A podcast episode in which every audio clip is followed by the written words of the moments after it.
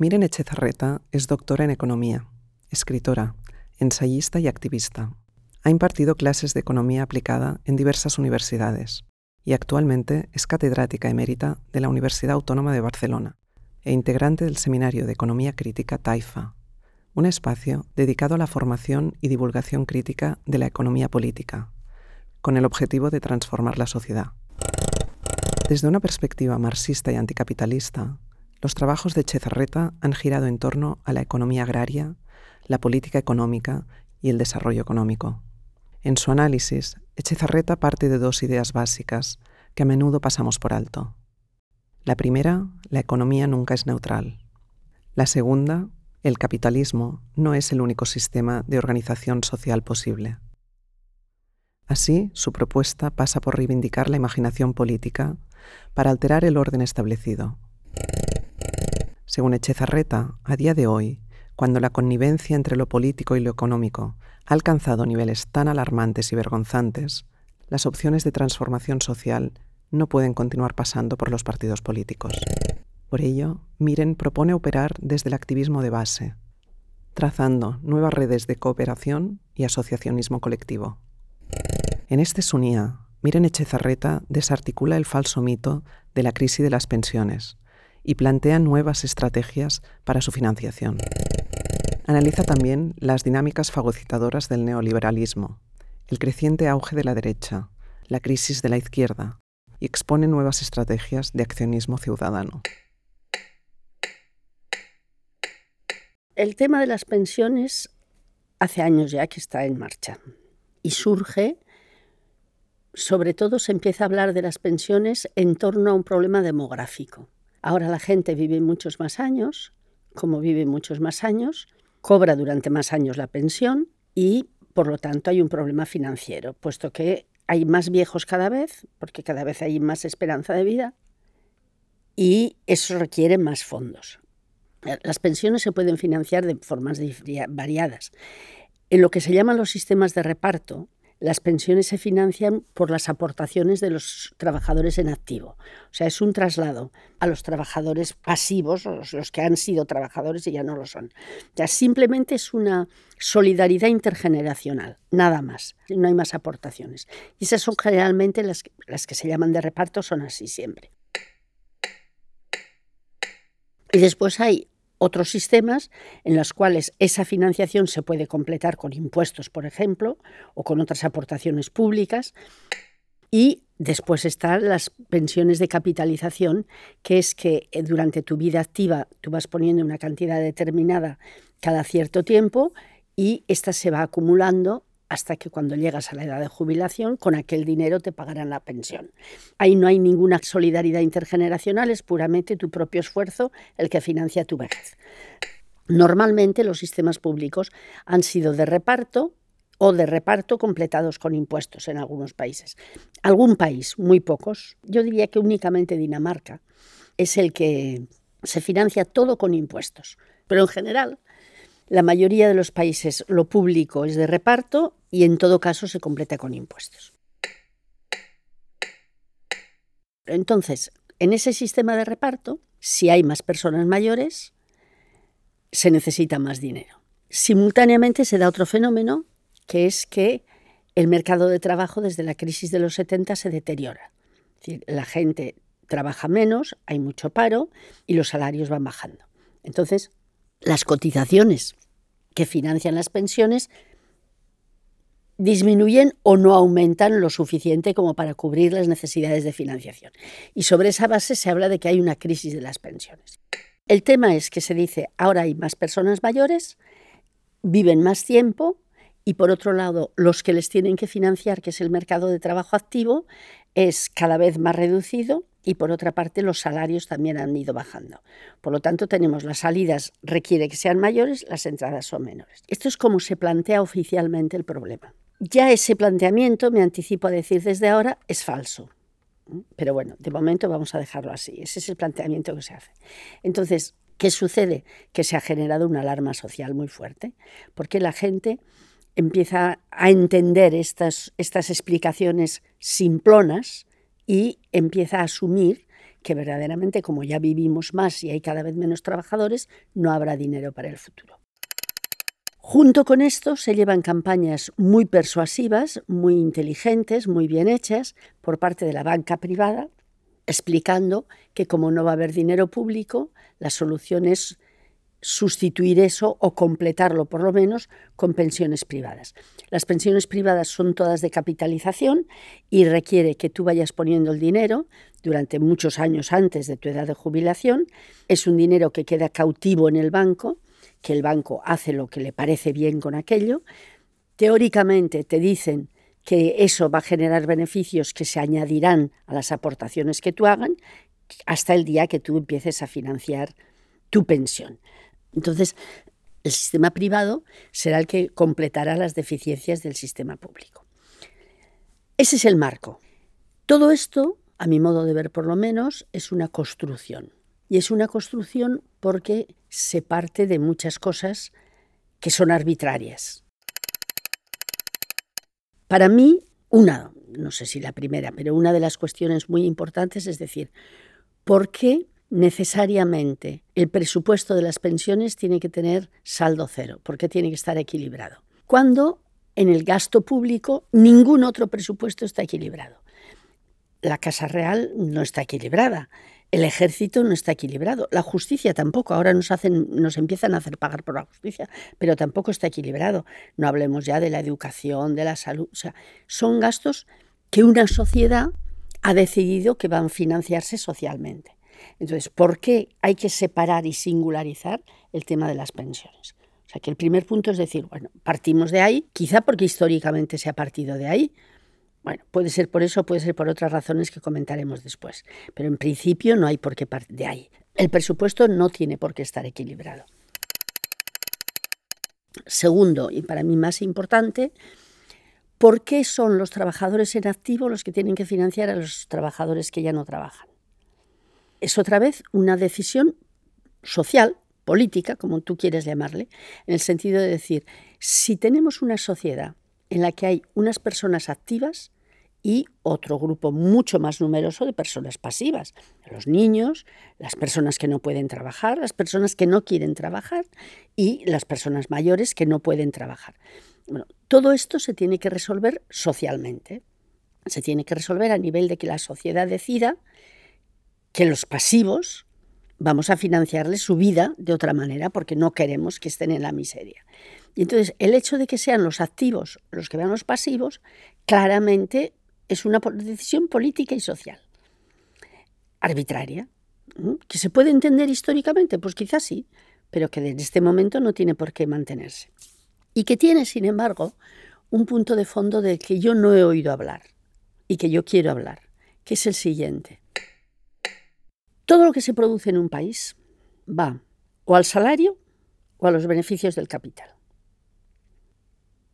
De los dos, una parte financia el Estado. Cada una de ellas, una parte financia el Estado. O sea, los beneficios financian una parte de los impuestos y el trabajo financia una parte de los impuestos también. O sea, a través del IRPF financian los trabajadores y a través del IVA financian los consumidores una parte del gasto del Estado y a través de los beneficios empresariales financia el capital. Bueno, pero en el sistema de pensiones, los trabajadores en activo cubren a los trabajadores pasivos.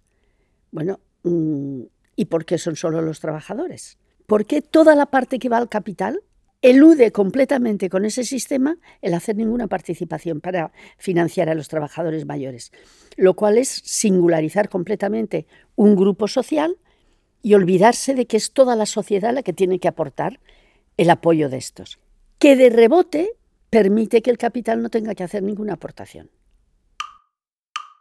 Porque además se olvida otra cosa, que los trabajadores pasivos ya hemos pagado por las pensiones. Yo he pagado 40 años de pensiones. Lo lógico es que ahora ese dinero en algún sitio esté. Y lo normal ha sido darle al sector público porque el sector público tiene como una cierta connotación de confianza en la esfera de lo social. Entonces, claro, ahora que digan, no, no, son solo los trabajadores. ¿Por qué tiene que haber una transferencia entre trabajadores solo? ¿Por qué para todos los demás impuestos no hay una transferencia solo entre trabajadores, sino que es una transferencia social? Claro, si tú aceptas que son solo los trabajadores en activo, pues claro, indudablemente esos trabajadores en activo tienen que hacer una aportación mayor de la que tendrían que hacer si fuera toda la sociedad. El tercer punto es muy importante y además a mí a veces me da vergüenza que haya algunos economistas que lo dicen, porque dicen, no, es que como hay menos trabajadores para pagar, hay menos dinero para las pensiones. Bueno, esto es algo que, insisto, a mí me da vergüenza que lo digan los economistas, porque lo que importa no es el número de trabajadores, es lo que esos trabajadores producen. Si los trabajadores, con muchos menos trabajadores hoy en día, se producen mucho más que en el pasado, esos trabajadores pueden pagar mucho más. El hecho de hablar del número de trabajadores en vez del valor de la producción tiene truco también. O sea, claramente es otra construcción. Porque imagínate cómo ha ido cambiando la productividad en estos muchos años que llevan los sistemas sociales en operación si tú miras un poco cómo ha cambiado la productividad en la agricultura o en la economía, España hoy, a pesar de las crisis, produce más que doble riqueza que el año 77.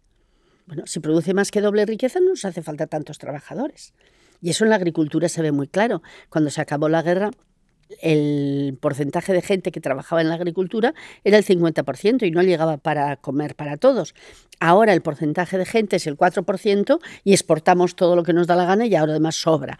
Entonces, que un economista truque los conceptos tan escandalosamente, a mí, insisto, me da vergüenza. Porque no importa el número de trabajadores. Claro, si tú le quitas a cada trabajador, pero ahí está el kit, ¿por qué este sistema se mantiene así? El sistema tiene que cambiar, no en la dirección que apuntan ellos, ellos hablo del establishment y del sistema bancario, pero en otra dirección tiene que cambiar. Yo creo que si con los salarios actuales, que hay pocos y bajos, no llega para financiar las pensiones, se tiene que financiar con impuestos se tiene que financiar de la forma que se financia todo el resto de gastos de la sociedad.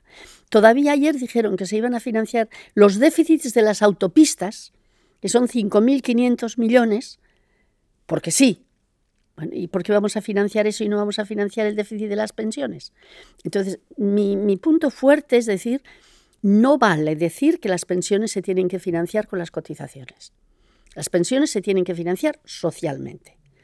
Porque lo que habrá que hacer a lo mejor es una reforma fiscal, que es otro tema muy importante, que habrá que aumentar mucho los impuestos de algunos y no aumentar los impuestos de otros.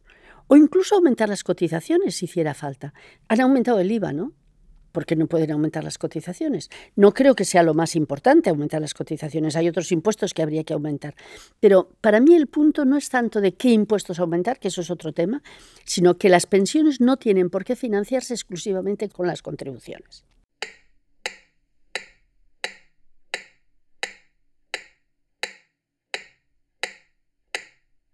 ¿Y todo esto por qué pasa?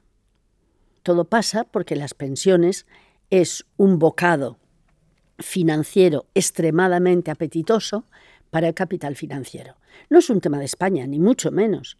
El tema de las pensiones viene de mucho más arriba, viene del Banco Mundial, viene del capital financiero global, que se da cuenta que hay muchísimo dinero en el tema de las pensiones, que es un dinero muy seguro además, porque tú no puedes sacar la cantidad que tú pones y por lo tanto quieren apoderarse de ese dinero. Y el Banco Mundial, que es lo grave, tiene el proyecto de un nuevo sistema de pensiones en los cuales la parte pública sea mínima y la parte obligatoria, que esto es lo grave, sea también a través del capital financiero privado. Y esto es lo que yo creo que no deberíamos de permitir, de ninguna manera.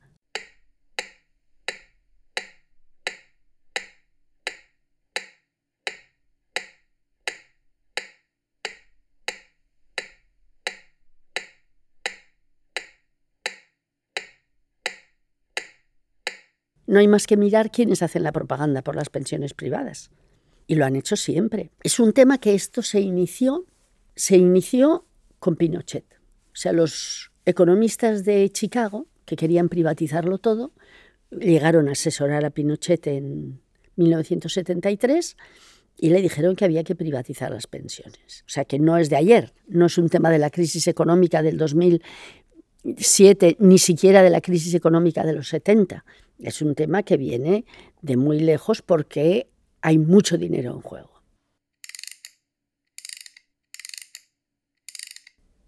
Desde los años 70, precisamente con la crisis de los 70, se inicia todo un periodo en que lo público es denigrado totalmente. O sea, todo lo público se señala como malo.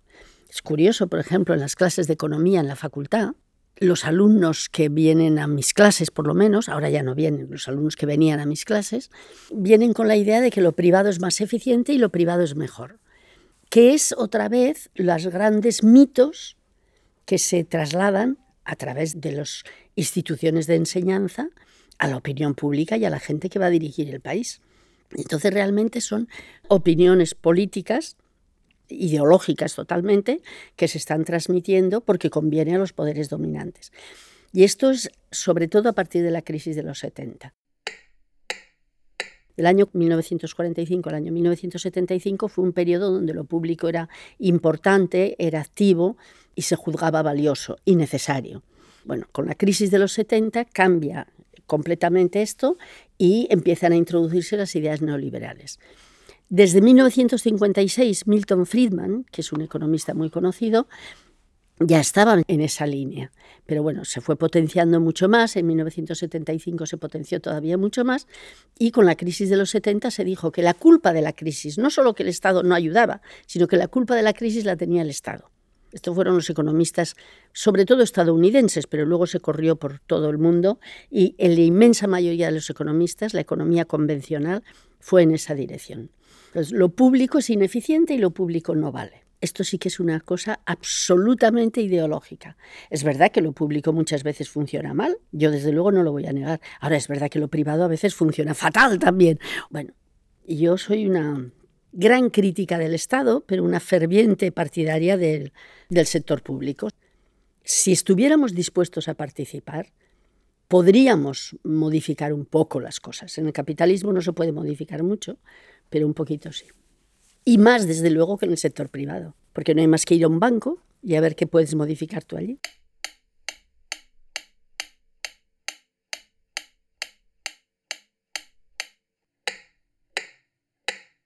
Yo creo que además con la crisis del 2007 se ha demostrado clarísimamente que el sector privado no es ninguna garantía.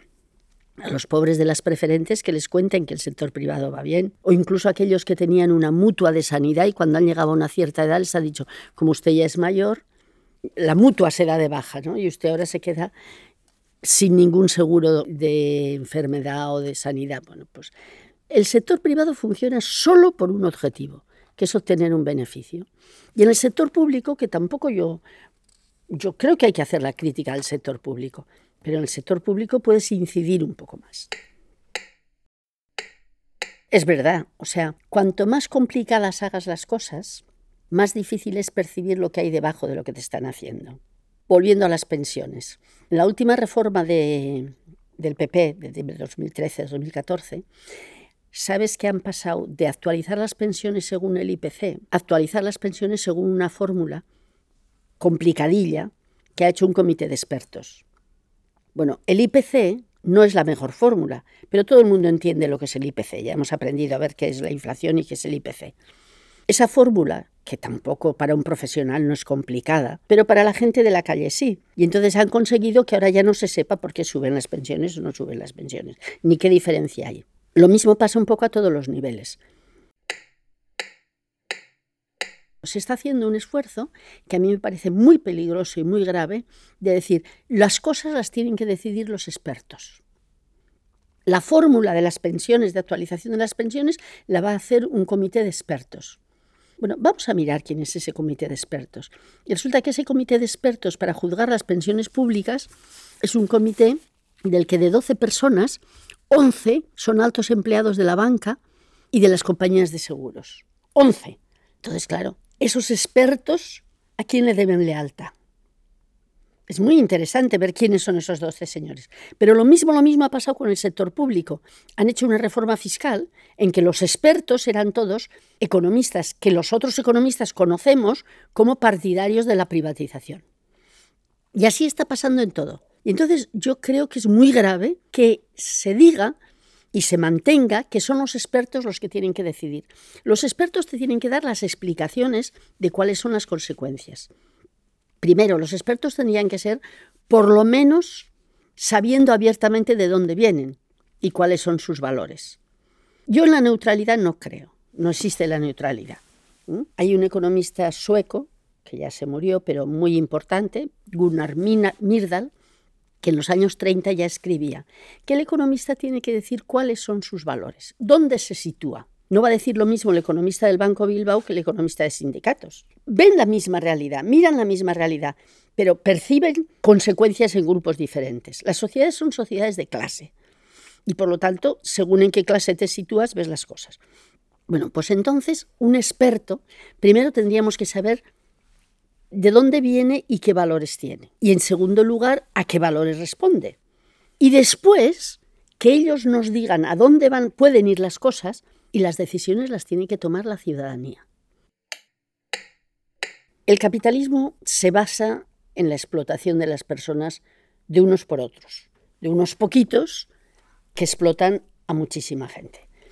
Y hay distintas formas de explotación.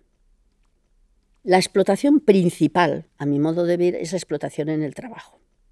Sin ninguna duda, es a través de la producción de riqueza donde el capitalismo absorbe la mayor parte de la riqueza para el capital, que van a luego permitirles reinvertir, crecer y tomar las decisiones de hacia dónde va a ir. Una cosa que a mí me interesa destacar es que a veces se nos olvida que en el capitalismo, para mí, lo más importante, una de las cosas más importantes, es que las decisiones las toman los propietarios del capital.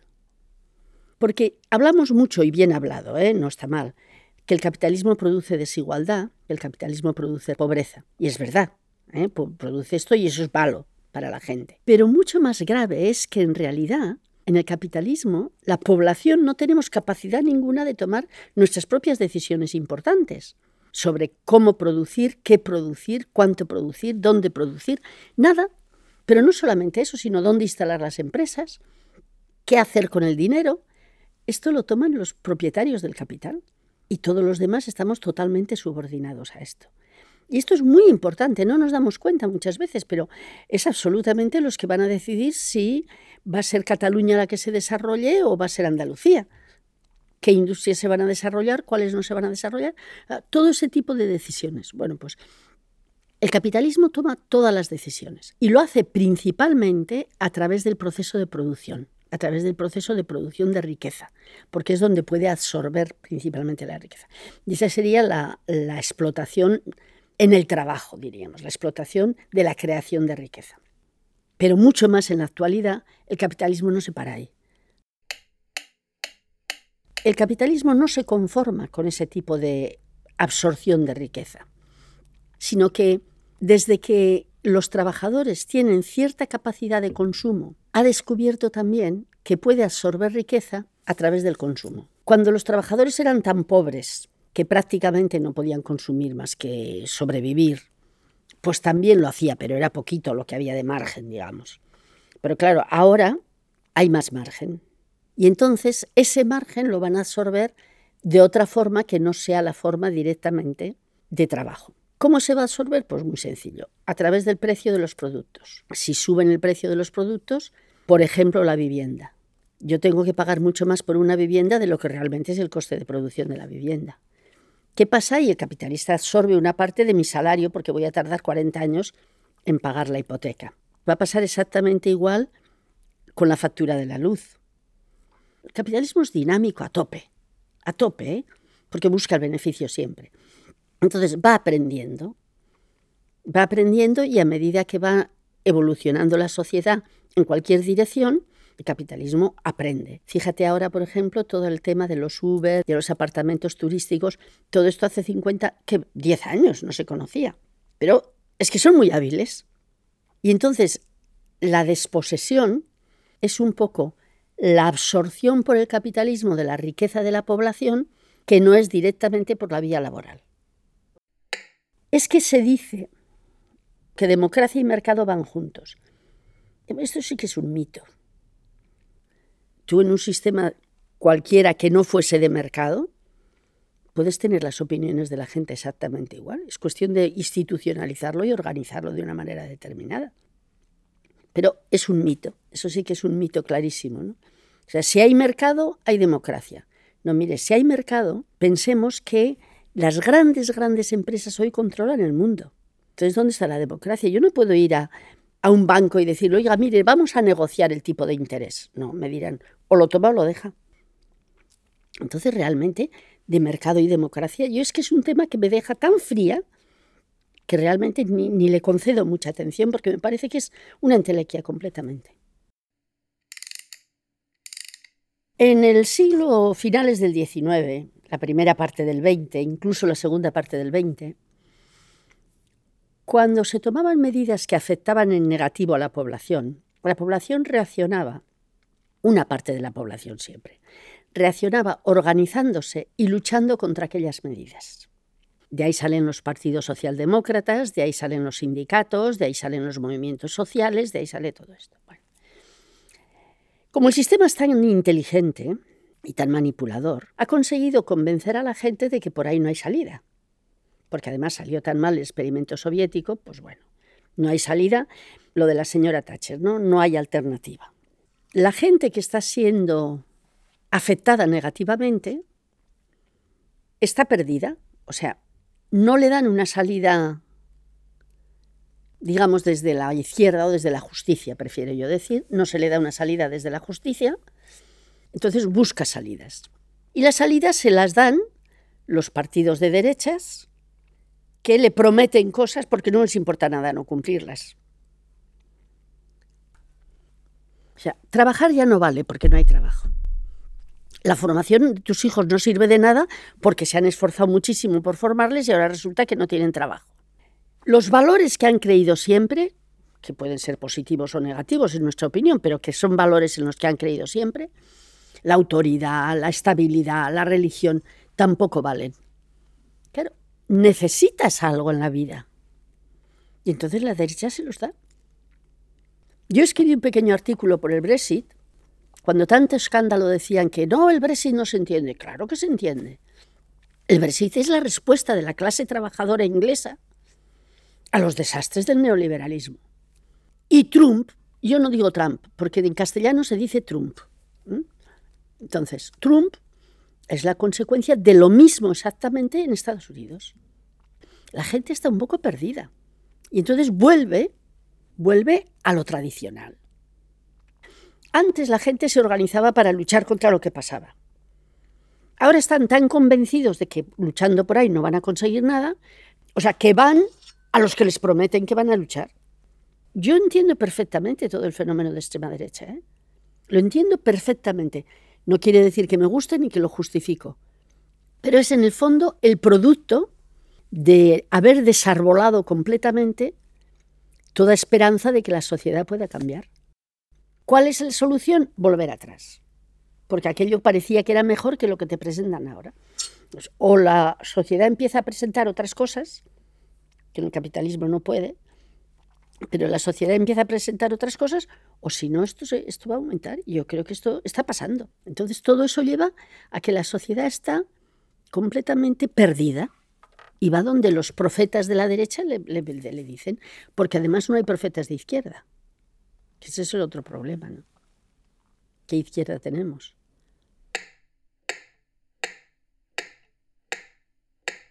Yo creo que hemos perdido los papeles, o sea, la izquierda se ha moderado de tal manera que las cosas que plantea no suponen ningún cambio social importante. Plantea paliar un poquito, un poquito. Por ejemplo, que si te despidan te den más indemnización. O que si acabas de trabajar te den un trabajo temporal de, en vez de seis meses, de nueve meses. O sea, no soñamos con otra sociedad justa.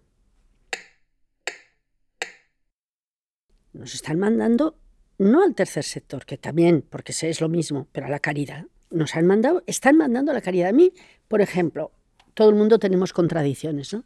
Pero cuando tú ves lo del banco de alimentos, es de ir gritando por la calle. Totalmente.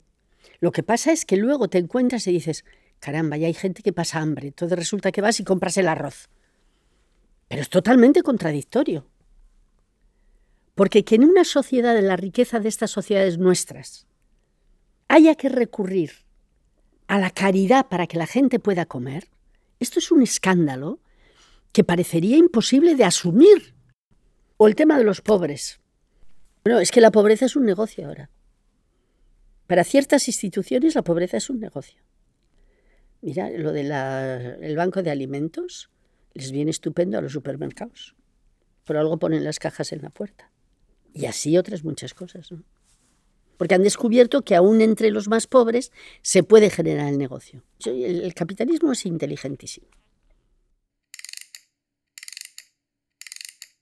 En el momento en que tú no respondes a los criterios de mercado y a los criterios del trabajo que les interesa a ellos, tú te conviertes en un delincuente. A mí me está impresionando mucho el caso de los manteros, por ejemplo. O sea, es una gente que no tiene otro medio de vida más que vender. Vender lo que pueden, en las condiciones que pueden. Ah, ya son delincuentes. A mí cuando oigo en la televisión, por ejemplo, o en la prensa o en otros medios, que esto perjudica al pequeño comercio, es de ponerse enfermo. Porque dices, o sea, que estos manteros perjudican al pequeño comercio. No le perjudica al pequeño comercio la aparición de las grandes superficies comerciales que han hundido todo el comercio pequeño de proximidad en Cataluña, por ejemplo, o en cualquier otra capital de provincia. Al pequeño comercio no le hace daño el mantero, le hace daño el corte inglés. ¿Quién está perjudicando al pequeño comercio? Está perjudicando el gran comercio y le están perjudicando las grandes importaciones de productos que se hacen a precios tirados. Ah, no, pero el delincuente es el, mantero. Y así, verdaderamente, en la delincuencia para todo. Para todo. O sea, es el caso de, muchísimas cosas, ¿no? Si tú haces algo sin autorización, bueno, pues, en fin, yo no, no voy a decir públicamente que no hay que cumplir la ley, pero que la ley a veces es absurda yo creo que estamos convencidos muchos de nosotros, ¿no? Y, no digamos nada de la justicia, por ejemplo, que a un señor que roba un bolso le metan en la cárcel por tres años o por dos o por seis meses y el señor Urdangarín se esté paseando o el señor Pujol se esté paseando y todos sus hijos y que entonces ¿a dónde va a ir la gente? Pues a la extrema derecha que le vuelve a los valores tradicionales, ¿no? Y yo tengo un profundo respeto por lo que los partidos y los sindicatos han supuesto históricamente. Pero sé también que partidos y sindicatos progresistas no han existido más que desde hace un siglo. O sea, los partidos socialdemócratas y los sindicatos empezaron a finales del siglo XIX. O sea que no creamos ahora que toda la historia ha sido esto. La lucha de clases no es partidos y sindicatos solo. Entonces yo tengo un profundo respeto por ese papel. Pero mi esquema de análisis me lleva también a pensar que cada forma de producción y de vida requiere sus propios instrumentos. Yo no creo que los partidos y los sindicatos son criticables porque son inmorales o sinvergüenzas o lo hacen mal. No, no, no, no. Ahí no me meto. Yo creo que es que no responden a la realidad de hoy en día. Es como si quisiéramos mejorar las diligencias. Las diligencias tuvieron un papel bueno en su etapa. Ahora, intentar renovar las diligencias no tendría mucha eficiencia. Pues con los partidos y los sindicatos tradicionales me pasa un poco lo mismo. No responden a las condiciones de la sociedad moderna. Y tenemos que buscar fórmulas que respondan a las condiciones de la sociedad moderna. Yo no estoy en contra pero me parece que estamos gastando unas energías que no nos sobran en una dirección que no es la más eficiente. Yo creo que lo importante es que hiciéramos el esfuerzo de imaginación y de innovación, tanto que se habla de la innovación para otras cosas, en la vida política y la vida social. Por eso, yo no veo lo mío como un ataque, veo como una reflexión, que muchos toman como ataque, es verdad, en el sentido de decir, inventemos cosas nuevas. Por ejemplo, los movimientos sociales son nuevos. Fíjate, una cosa que, me va a meter en líos, pero es igual. El 2011 se surgen los movimientos sociales, que no es verdad, porque en 1968 Hubo movimientos sociales y en medio ha habido, pero aceptemos que en 2011 surge una nueva forma de movimientos sociales. Parece que la sociedad, puff, es un brote de aire fresco, ¿no? Vamos a montar movimientos aquí y allí, vamos a ir a los barrios, a trabajar en los barrios, que se monten grupos, que se monte tal, que se monte cual. Perfecto. De los movimientos sociales se va a llegar a montar las mareas, que se van a unir movimientos sociales de un lado y de otro y no sé qué, no sé qué. Parece que había como toda una corriente de renovación. ¿Qué pasa en medio? Llegan algunos partidos políticos, llega Podemos y llega la SCUP, con los dos simpatizo. ¿eh? Pero, ¿qué hacen? Convertir aquello en unos partidos. Y estamos en el punto donde habíamos partido. Y se nos ha perdido, porque en medio han absorbido a montones de gente fantástica, para hacer lo que se está haciendo siempre, que es luchar por el poder allá arriba. Y es que yo creo, de eso sí que estoy bastante convencida, de que allá arriba no hay solución. Yo creo que la transformación social es mucho más lenta de lo que querríamos, pero de abajo para arriba. Yo aprendí mucho en Nicaragua, mucho. Fui varias veces, hicieron la, toma de poder, fue muy interesante, el mundo entero estábamos contentos con aquella toma de poder, les apoyó muchísima gente, pero no era la gente. La gente sí respondió, porque Somoza era un tirano, pues como aquí, Franco era un tirano, y la gente responde, pero responde a su medida, no quiere una transformación social, quiere vivir un poquito mejor. Y es lógico además que quiera eso. Y entonces, ¿qué pasa? Que en el momento que el sistema nuevo no le da eso que ello considera que es un poco mejor, vuelve a la derecha, que es lo que pasó en Nicaragua y lo que está pasando en Venezuela. O sea, yo creo que la, transformación social será mucho, mucho más, más despacio, pero de abajo para arriba. Si no estuviéramos tan metidos en el lío de que este partido, el otro partido, el otro partido, igual inventábamos cosas nuevas. No hay estrategias de adaptación colectiva. Empieza a haber algunas a nivel de producción, empieza a haber cada vez más el tercer sector, que es el sector de la economía social y ahí empieza a haber cosas de producción, ¿no? Pero hay pocas iniciativas de solidaridad colectiva y por ahí a lo mejor sería un ámbito donde tendríamos que avanzar. Es que ahí, por ejemplo, es donde la PA nos está dando ejemplo. Cómo realmente la organización colectiva puede reforzar la lucha por la transformación social y mejorar las cosas. Pero fíjate, hay un dato que es muy poco conocido, ¿no? Pero sabes que en SALT hubo una serie de, familias que ocuparon una casa entera y que lucharon muy bien y mucho, de forma que el ayuntamiento les propuso darles un piso a cada familia para que pudieran sobrevivir. Pero un detalle muy curioso, les daban un piso a cada familia en sitios diferentes. Y las mujeres, porque eran las mujeres las que llevaron esa lucha, como tantas otras, dijeron que no, que ya se habían constituido una comunidad y que querían irse juntas. No lo han conseguido, ¿eh? eso no lo consiguieron, porque al sistema sí que le da mucho miedo la solidaridad colectiva.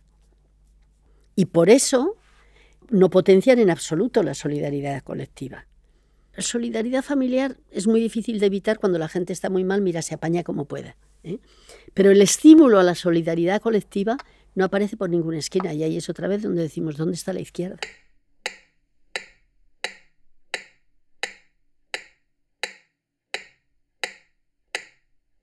Una de las cosas más interesantes para mí en los movimientos sociales de los últimos años fue esta huelga que hubo de la telefónica, de los trabajadores que eran subcontratados, de los cuales había muchos extranjeros, que se unieron juntos, se unieron para protestar.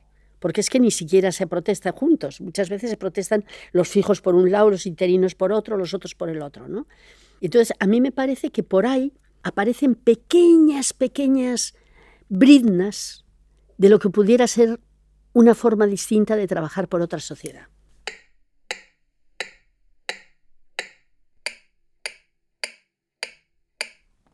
es que si dejamos que las cosas sigan por donde siguen, vamos a un capitalismo distópico total, o sea, vamos a, vamos a, a, una sociedad brutal y ya estamos yendo. Yo nunca hubiera pensado que Europa iba a aceptar hacer con los refugiados lo que está haciendo.